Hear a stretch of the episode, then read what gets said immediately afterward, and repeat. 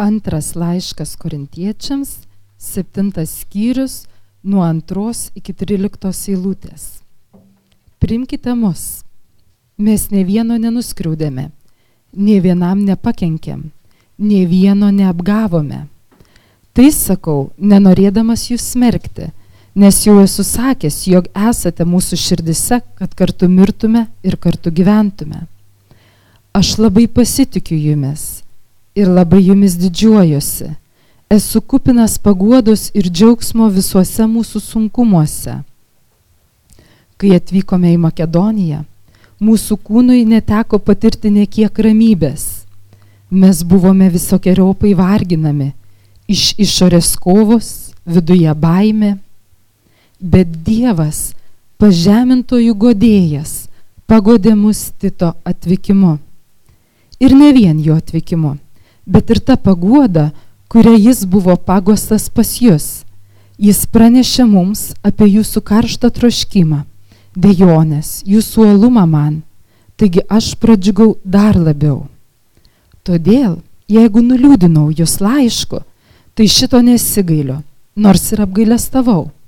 Nes matau, kad tas laiškas jūs nuliūdino, bet tik kuriam laikui. Dabar aš džiaugiuosi. Žinoma, Ne todėl, kad jums teko nuliūsti, bet kad jūsų nuliūdimas atvedė jūs į atgailą. Jūs buvote nuliūdę dieviškų liūdėsių. Todėl iš mūsų pusės nebuvo jums jokios kriaudos. Dieviškas liūdėsys gimdo atgailą išgelbėjimui, dėl kurio nereikia, nereikia gailėtis, o pasaulio liūdėsys gimdo mirtį. Ir štai, kaip tik tas dieviškas nuliūdimas pagimdė jumise tokį susirūpinimą, tokį teisinimąsi, apmaudą, baimę, tokį stiprų troškimą, uolumą, tokį atpildą, jūs visais atžvilgiais pasirodėte švarus šiame reikale. Todėl, jeigu jums parašiau, tai ne dėl įžeidėjo ir ne dėl įžeistojo, bet kad jums paaiškėtų mūsų rūpestis jumis Dievo akivaizdoje. Todėl mes, pasigodėme jūsų paguodą ir dar labiau nudžiugome dėl Tito džiaugsmo, nes jo dvasia buvo jūsų visų atgaivinta. Amen. Pasimelskime. Dangiškasis tėvė, mes prašome, kad e, veikiant tavo šventai dvasiai per savo žodį tu mūsų ugdytum išganimui. Meldžiam viešpatie, kad pamokytum teisingų dalykų, kad mes išmoktume uh, būti išmoktumėt elementarių dalykų to, ir mokytumės elementarių dalykų to, ką moko Evangelija.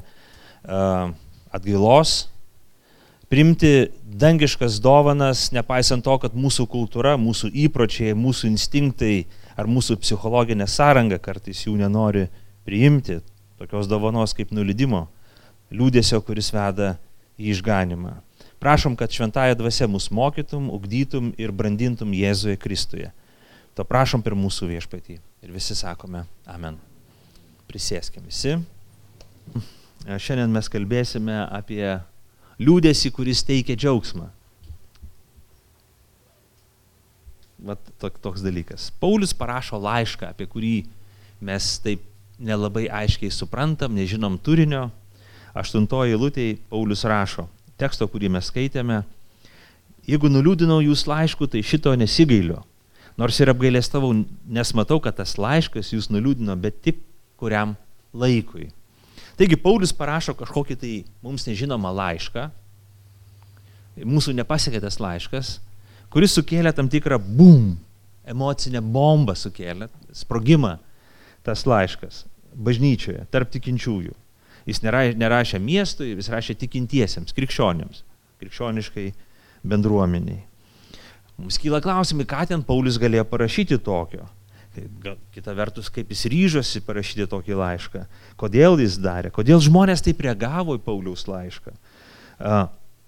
Mes galim duotis klausimu, ar teisingai Paulius padarė, kad sukėlė tokią emocinę bangą, gal jo toksai uolumas buvo perteklinis ir ne, ne, ne visai protingas, kad jisai a, parašytų, parašyti tokį laišką ir sukelti tokią emocinę bangą.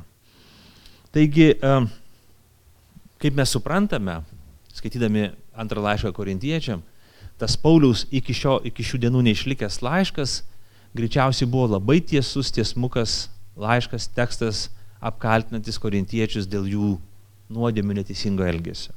Paulius tiesiai, drąsiai uh, apkaltino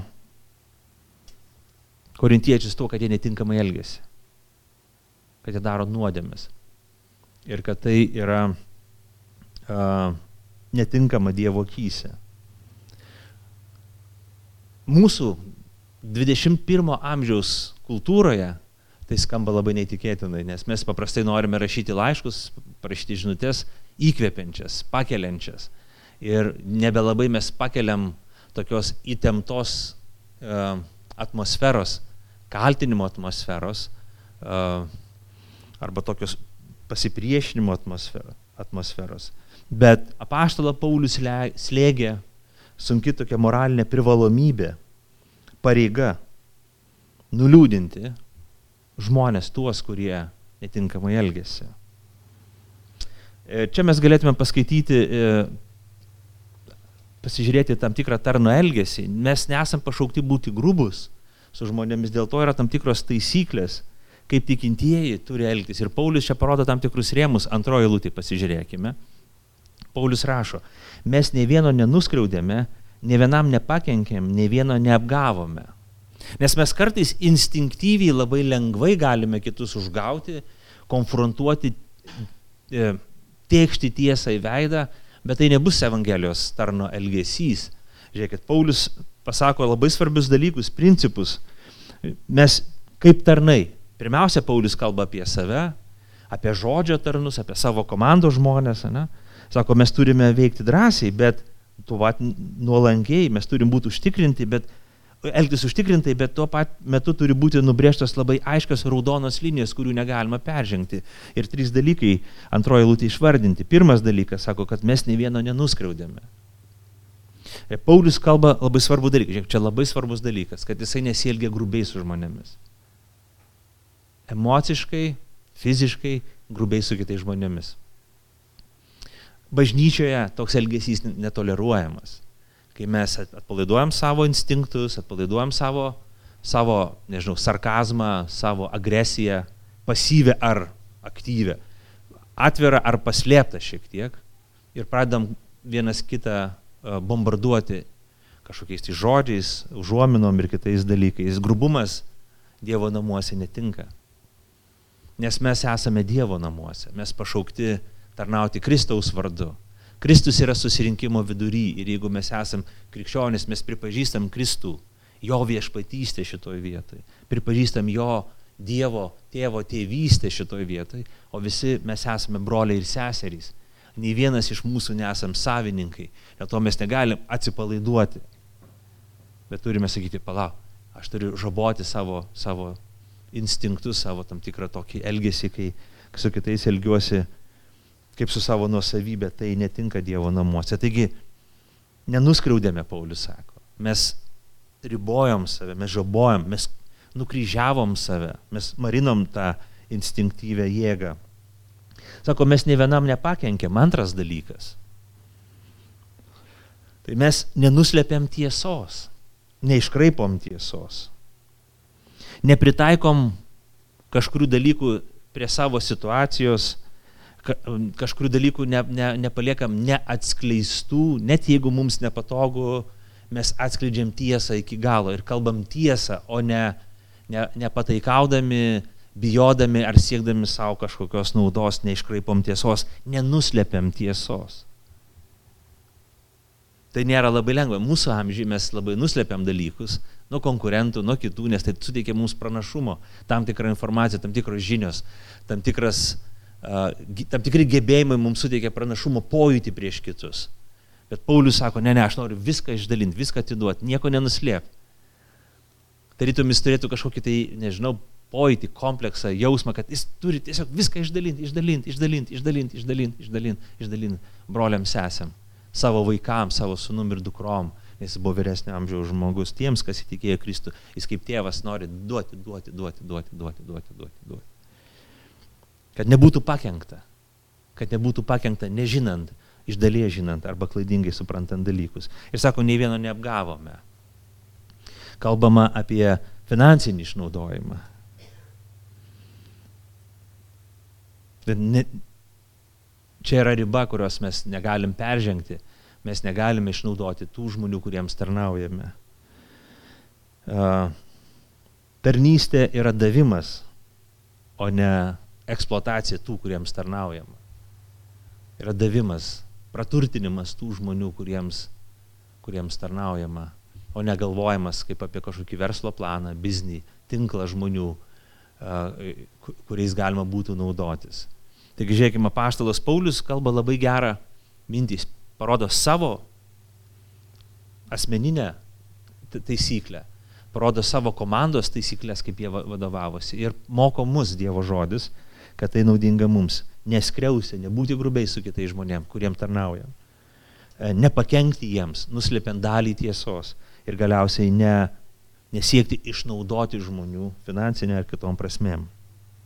Nekalbu apie dar kitas prasme, seksualinė ar kitais dalykais. Tai yra nuodėme. Tai netinka. Viešpats prieš tai kovos, viešpats uh, bjaurisi tais dalykais.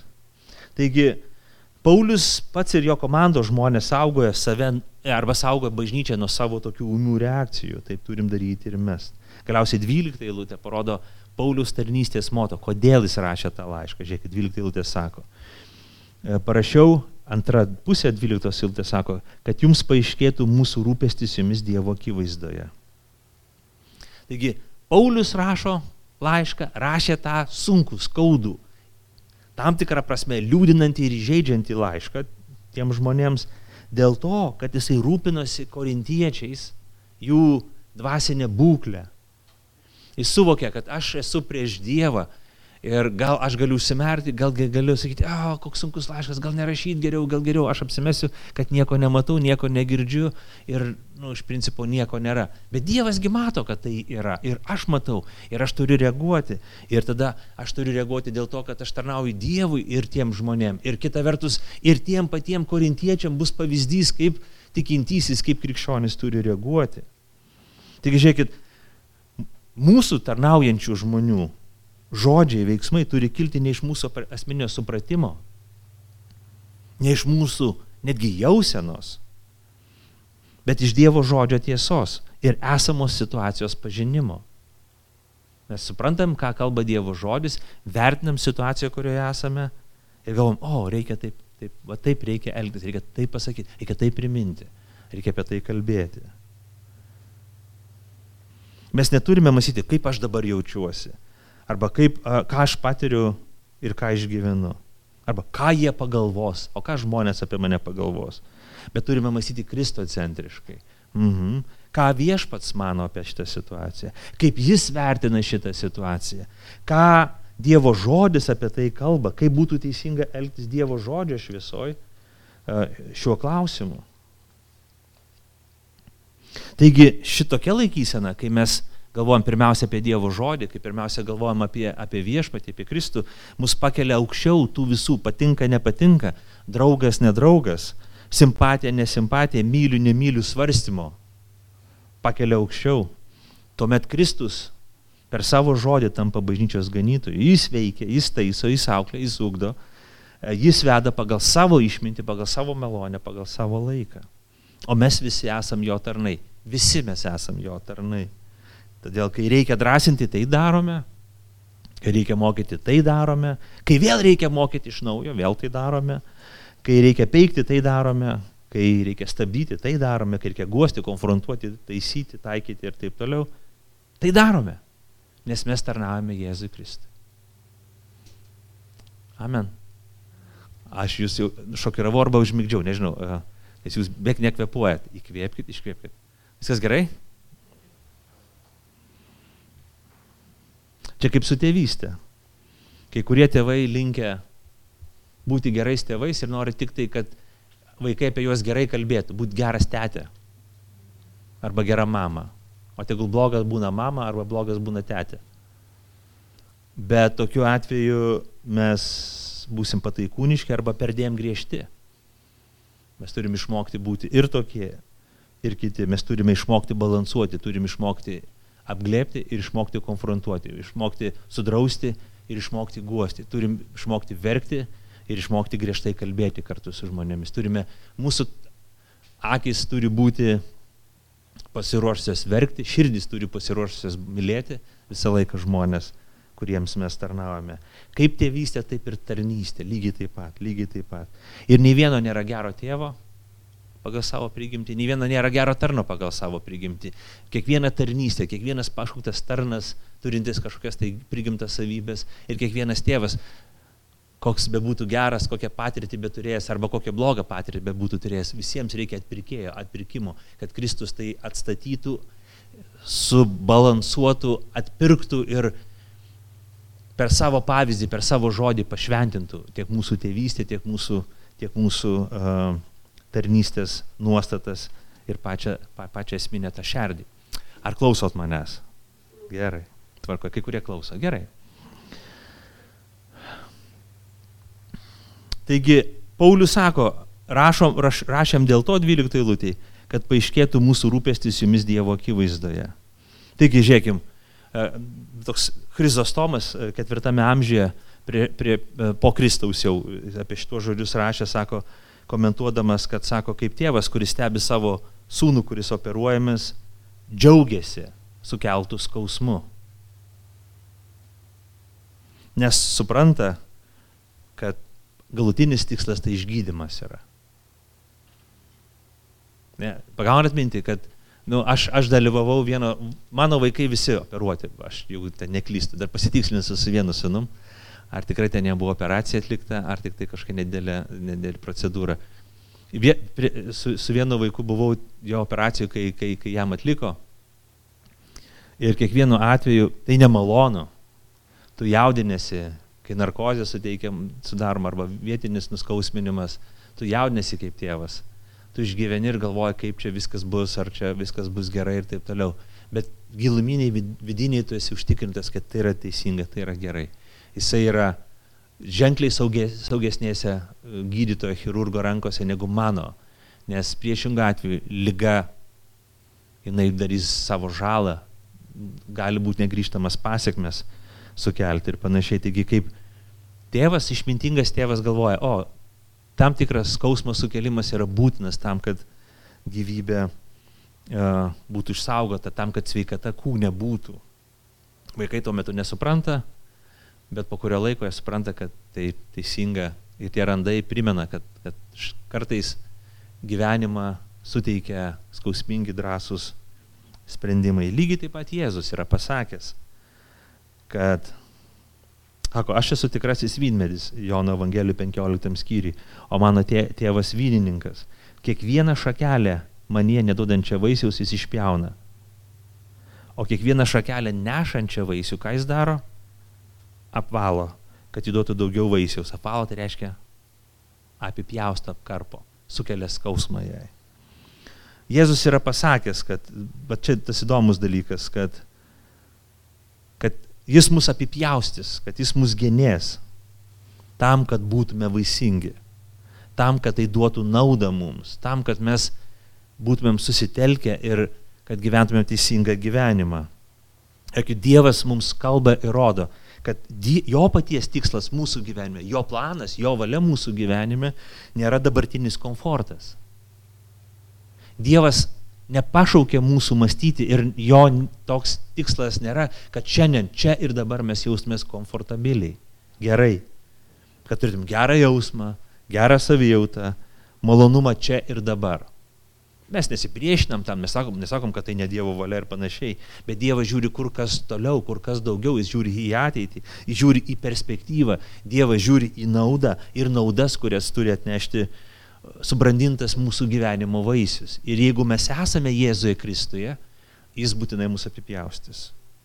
Klausykit, jo mokiniai, jo vaikai, jo pasiekėjai skiriasi nuo minios iš esmės.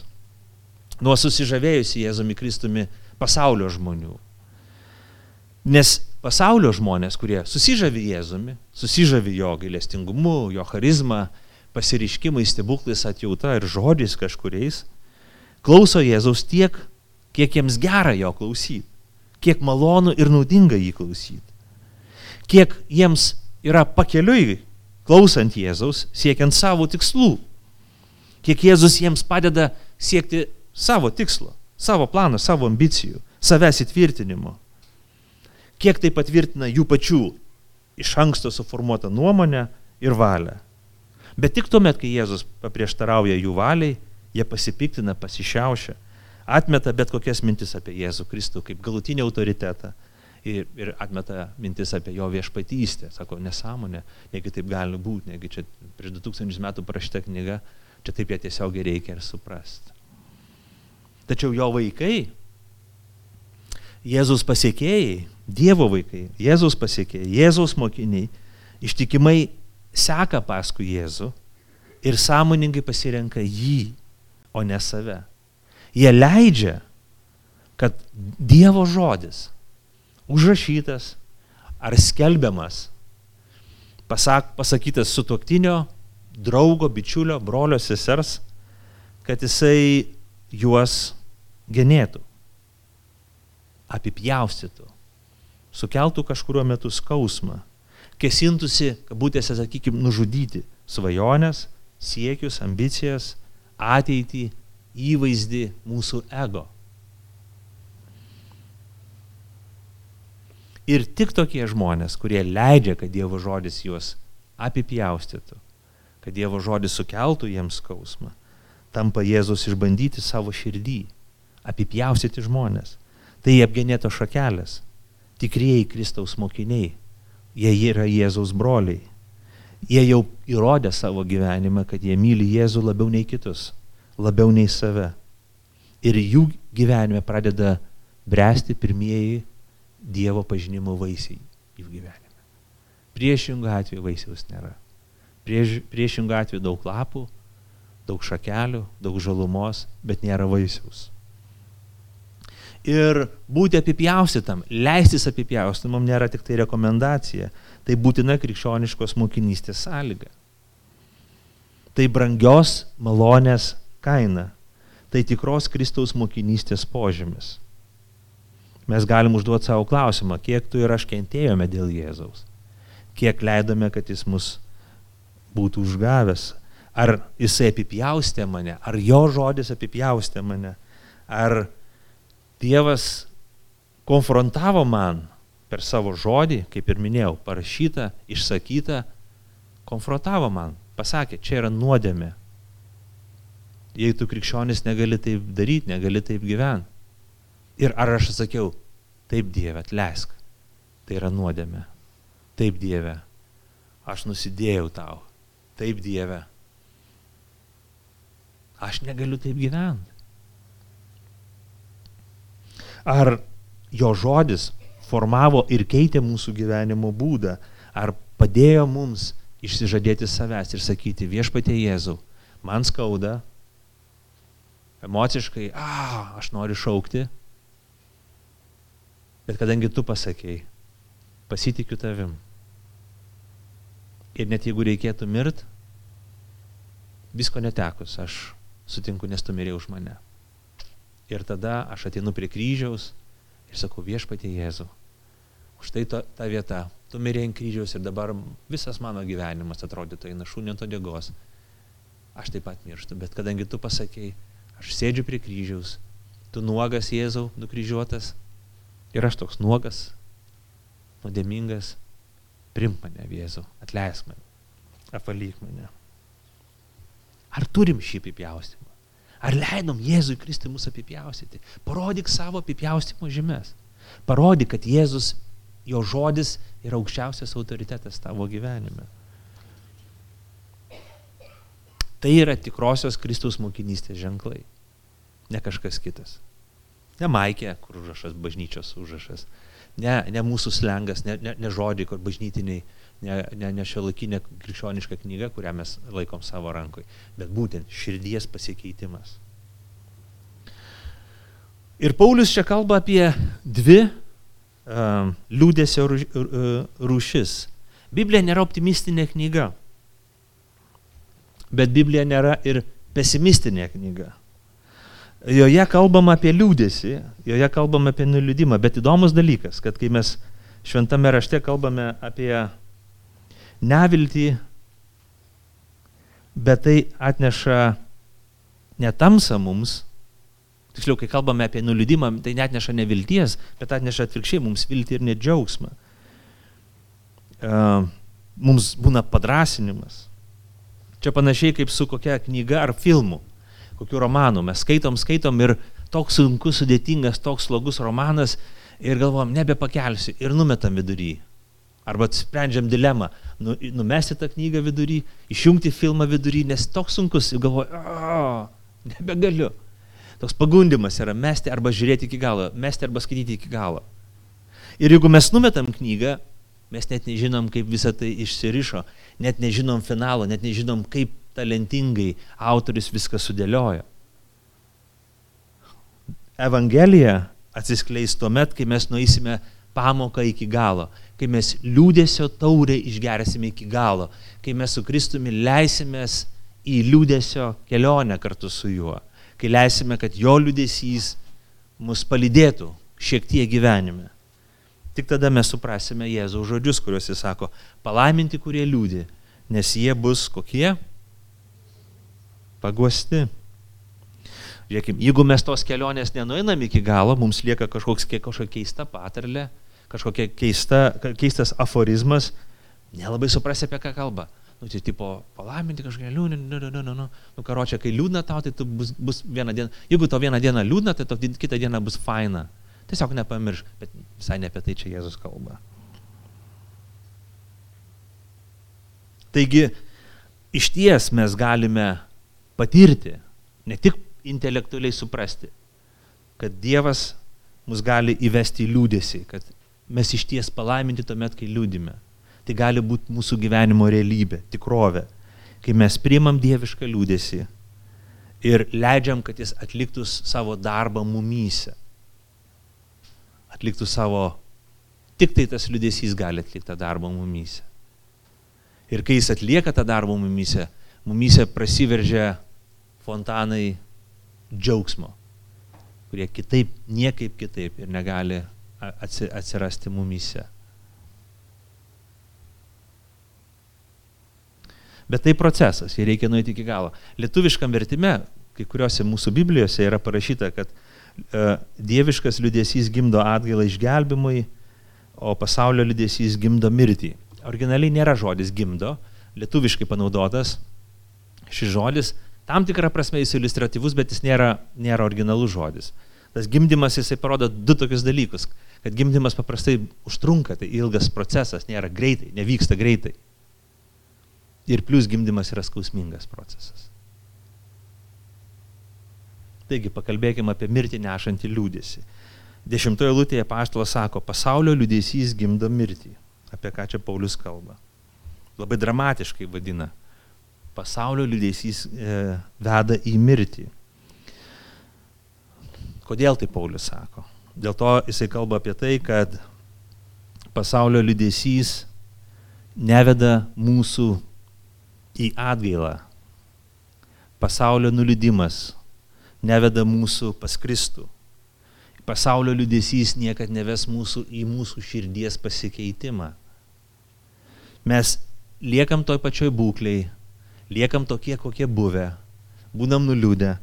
Rezultatą gaunam tai, kad mes būnam nusivylę savim ir kitais, pagėžingi, pilni kartėlio ir apmaudo žmonės.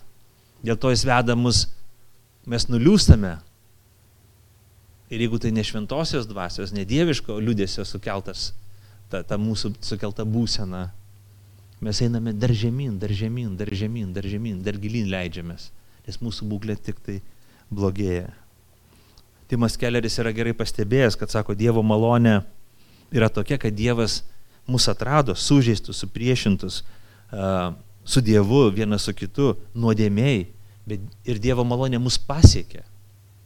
Bet Dievo malonė neleis savo vaikams likti tokiais, kokie jie yra. Dievo malonė nori pakeisti mus. Taigi šio pasaulio liudesys jis niekad nenukreips į Kristų. Šio pasaulio liūdėsys niekada neparodys kryžiaus. Šio pasaulio liūdėsys niekada neparodys moralinės moralinės tiesos, dalykų, kas turi pasikeisti mūsų širdį. Moral, e, šio pasaulio liūdėsys bus ezavo ašaros, kai jis raudos, kad kažko neteko, kaprizingas, isterinis verkimas, nieko nekeičiantis ir galiausiai pražudantis. Bet yra kitoks liūdėsys, žiūrėkim, dieviškas liūdėsys gimdo atgailą išgelbimui, paštalas Paulius sako.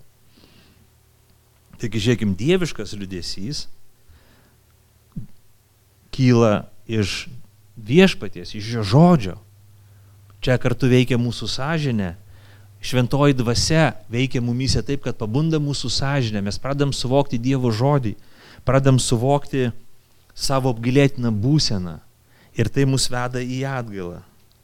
Žiūrėkit, devinta eilutė sako, dabar aš džiaugiuosi, žinoma, ne dėl to, kad jums teko nuliūsti, bet kad jūsų nuliūdimas atvedė jūs į atgailą.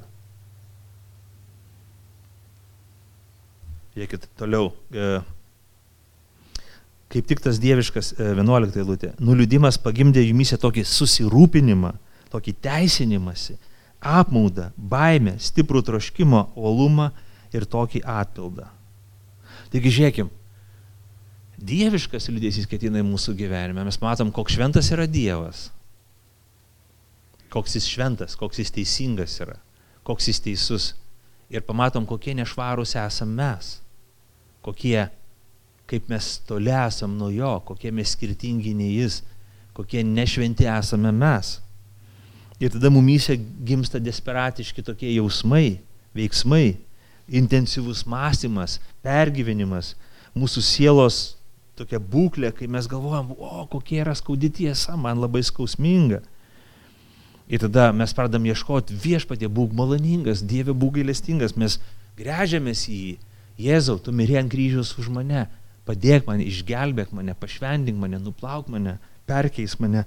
Aš nenoriu būti toks pat, koks, tu, koks buvau prieš tai, koks dabar esu, pakeisk mane. Prisimenam, keleris sakė, kad Dievo malonė neleis mums likti tokiais, kokiais, buvome. Tai jo įsiunčia mums liūdėsi, mums siunčia šviesą, kuri mus apšviečia. Ir mes sakome, oi, aš, ne, aš, aš, aš nebenoriu būti toks, koks esu, aš noriu būti toks, koks esi tu toks, koks yra tavo, tavo sunus. Tai veda mus į atgailą, o per atgailą ateina išgelbėjimas. Čia trumpai apie atgailą. Gary Milleras yra pasakęs tokią mintį apie, apie tą tokią netikrą atgailą, kurią mes dažnai, manau, praktikuojam ir kultūroje, ir bažnyčioje, ir aplinkoje mūsų visuomenėje, ir bažnyčiai. Atgailą, kuri jokių vaisių neduoda. Nu, tarkim, jisai, jisai rašo apie tris, aš ketvirtą pridėsiu. Taigi, uh, Gary Millero tokios trys atgailos rūšys, netikros atgailos rūšys. Krizės atgaila. Kai žmogus netiki, kad Dievas iš viso egzistuoja, bet staiga atsitinka krizė, skrenda lėktuvu ir užsidegė variklis. Ir staiga patikėjo Dievu staigiai. Primetė, kad esam 9 km aukštį ir čia geriau nesibaigs, Dievas greičiausiai yra, reikia melsis, jam pažadėti kažką ir taip toliau. Krizė praėjo, nusileido lėktuvas sėkmingai. Adrenalinas praėjo, aš nusiraminau ir vėl gyvenu kaip gyvenęs. Jokio pokyčio neįvyko. Antra, antra rūšis netikros atgailos - ritualinė atgaila, kai mes galvojame, kad mes galime savo negerus jausmus atpirkti kažkokiais tai religiniais veiksmais, visuomeninė veikla ir panašiai. Ateiti į bažnyčią, paukoti auką, pasavanoriauti, atlikti kažkokius darbus, naiti gyvūnėliam nupirkti, prieglaudai nupirkti šunų maisto, išvalyti kakučius iš narvo. Ir galvom, o dabar aš kažkaip va, toks, nu, va, Dievui esu geresnis. Bet jei nesikeičia širdis, tuščias reikalas į kryžiaus tame nėra tuščias reikalas. Jisai trečią pamini e, atgailos rūšį - manipuliatyvi atgaila. Kai mes uh, visiems rodom, demonstruojam, kokie mes esam atgailaujantis, uh, išmokstam suprasti, kaip atrodo daugmaž atgaila. Nu, vienoje bažnyčioje vienaip, kitoje kitaip bažnyčioje ir tada mes suprantam, kad čia bažnyčia taip atgaila atrodo ir išmokstam, kaip jie atrodo. Išmokstam išraiškos būdų. Ir labai esam labai norim, kad visi pastebėtų, kad mes atgailaujantis esam. Ir mes labai supyksam ir susinerinam, jeigu kažkas nepastebėjo, kad aš toks atgailaujantis atėjau, jie net nepastebėjo, kad aš atgailaujantis esu. Ar jis sunervina? Kokia čia bažnyčia, kokia čia pastaris, kokia čia bendruomenė, bračiai, jeigu aš dėjau, kad atgailaujant visas ir dabar žiūrėk, net nepastebi, niekas nepaploja, nepadrasina.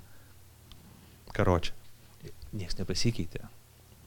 Nu ir aš dar lietuvišką pridėčiau e, netikros atgailos dalyką. Nu tai gerai, atsiprašau. Tokį atsiprašymą. Nei ten atsiprašymas, nei atgaila, nes nevyksta joks pasikeitimas, nėra jokio pripažinimo, nėra jokio apmaudo. Žiūrėkit, Paulius labai gražiai sako, žiūrėkit, kokius žodžius vartoja, aš jau, jau skaičiau juos. Tokį susirūpinimą, teisinimąsi, apmaudą, baimę, stiprų troškimą, uolumą. Tikra atgaila, jinai yra procesas, kurį kaip, kaip, kaip ūkininko plūgas ir kiti, kiti, kiti, kiti padargai visą žemę mūsų iš, išminko, išminkština, perkilo, išpurena, taip, kad, kad jinai būna išarta dirba, o ne, ne ta patikėta žemė. Taigi mums krikščionims reikia tikros atgailos mes turim ją apglėpti ir ją priimti, nes tik per tai, tik per tai pokytis vyksta mūsų gyvenime. E, Vetsminserio tikėjimo išpažinimas labai gražiai kalba apie atgailą, aš paskaitysiu tekstą. Atgaila gyvenimui yra Evangelijos malonė, doktrina, kuri, kaip ir tikėjimo Kristumi doktrina, turi būti pamokslaujama kiekvieno Evangelijos tarno. Per šią atgailą nusidėlis išvysta savo nuodėmės tokias, kokias jas mato Dievas bjaures, atstumiančias bei jam pražutingas.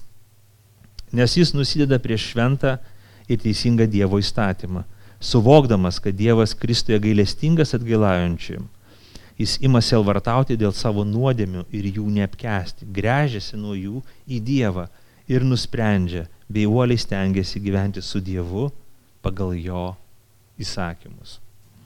Vėlgi, pamato nuodėmės taip, kaip jas mato Dievas. Kada išgyvena stipriai dėl to ir šaukėsi Kristaus. Vėl ir vėl šaukėsi Kristau. Kristau padėk. Kristau įgalink. Kristau suteik man jėgų gyventi taip, kaip tu mokai. Paulius kalba, žiūrėkit, Paulius, kuris rašė e, šituos žodžius apie atgailą, e, jisai rašė neteoriškai. Prisiminkime, kad jisai pats gyveno netikusi gyvenimą Dievui. Jis, jis persekė bažnyčią, mes girdėjom du sekmadienius, tris sekmadienius prieš tai, kad jis persekė bažnyčią, jis elgėsi netinkamai ir atgaila atėjo gyvenime, pasikeitimas atėjo. Jis pamatė, kad jo uolumas, jo darbai Dievui buvo pikžodžiavimas, buvo uh, nusikaltimai Dievo akise. Ir jisai atgailavo. O to pasieka buvo jo gyvenimo pasikeitimas. Taigi atgaila atneša džiaugsmą. Ir aš norėčiau kitą skaidrę parodyti. Dabar aš džiaugiuosi, žinoma, ne todėl, kad jums teko nuliūsti, bet kad jūsų nulidimas atvedė jūs į atgailą. Žiūrėkit, labai įdomus dalykas. Skamba labai paradoksaliai, kad atgaila gali atnešti džiaugsmą. Žiūrėkim, jeigu kažkas, kažkas iš mūsų nors kartą atgailavo, mes patyrėm tą dalyką, kaip atgaila atneša džiaugsmą. Uh, vidinį, tikrų, tikrą, skaidrų, šventą uh, džiaugsmą. Nes mes, jeigu mes net gailavome, mes net nežinome, kas yra tikras džiaugsmas, nes mūsų džiaugsmas suterštas pikdžiugos, pašaipos, pasiaukštinimo, niekinantis kitus, viršenybei tvirtinantis prieš kitus jausmas. Bet tikras džiaugsmas, dieviškas džiaugsmas yra šventas, nei kitiems, nei savo nekenčiantis džiaugsmas. Pasidalinsiu tokią ištrauką, aš bandysiu ją e, pasidalinti kaip e, Biblijos mokytojas Pakeris kalba apie tai, kaip mes, kaip ta, kaip atgaila, kokia yra atgaila. Ako atgaila tai yra gebėjimas atpažinti nuodėmę. Tai atleidimo traškimas. Tai pasiryžimas prašyti pagalbos, turėti santykių su Dievu, turėti reikalą su juo. Tai yra pasikeitimų demonstravimas. Ir kai įvyksta tikra atgaila, mes tai žinome. Nes ašaros būna tikros. Žodžiai skamba labai kuklus. Labai regima ir visiems matoma, regimas ir matomas ryštas. Pasikeitimas yra realus. Džiaugsmas yra tikras tai, kas išteka iš, taip, būtent tai ir išteka iš Dievo malonės ir to Dievo malonės suteikiamo liūdėsio. Taigi žiūrėkim, tikras dalykas, autentiškas reikalas, tikras džiaugsmas, kuklus, kuklus išgyvenimas, tikros ašaros ir tikras santykis su viešpačiu. Ne tik tai mes išgyvenam džiaugsmą, bet ir paguodą. Paulius daug, daug, daug kartų rašo, aš nebes, nebeskaitysiu. Ketvirtojo, šeštojo, septintojo lūtėje, tryliktojo lūtėje kalba apie tai, kad jisai pilnas paguodos. Ir žiūrėkime, iš tikrųjų, čia labai svarbus momentas. Kai mes išgirstam Dievo žodį, kai leidžiam, kad Dievo žodis pasiektų mūsų širdis ir mūsų gyvenimus, tai um, ir kai mes išgyvenam liūdėsi, išgyvenam atgailą ir kai pradedam nešti tuos vaisius, tai būna pagoda visiems žmonėms, kurie mus mato. Nes tai ženklas mums patiems, bažnyčiai, pasauliai, kad mes pasiliekam su Kristumi, kad mes jį ištikimai sekame, kad mes pasiliekame jame, kad mes klausomės jo žodžio, kad mes neišsukom iš kelio, kad mes nenuėjom trumpesniu keliu, kad mes nepalikom viešpaties bet esame ištikimi jam iki šio momento. Tai teikia pagodą mums patiems ir tiems, kas tiki Jėzų Kristų. Amen. Taigi pakilkime maldai.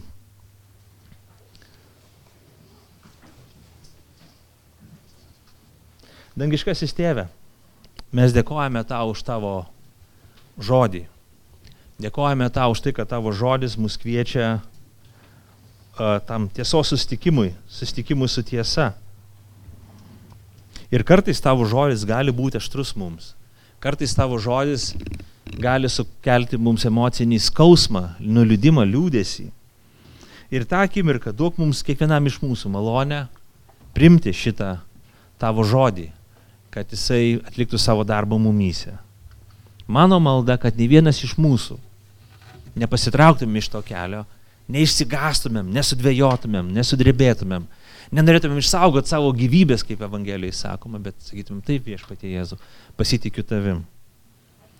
Ir tebūnie tavo darbas, tavo liūdėsys, tavo žodžiai, tai atlieka tą darbą, te praveda mus, pasitikint tavim, einant kartu su tavim, te pašventina mus, te paskatina mumyse atgailą, gražius pokyčius, kad mes keistumės ir panašėtumėm į tavo sūnų Jėzų Kristų. Viešpatie Jėzų, pašventink kiekvieną iš mūsų.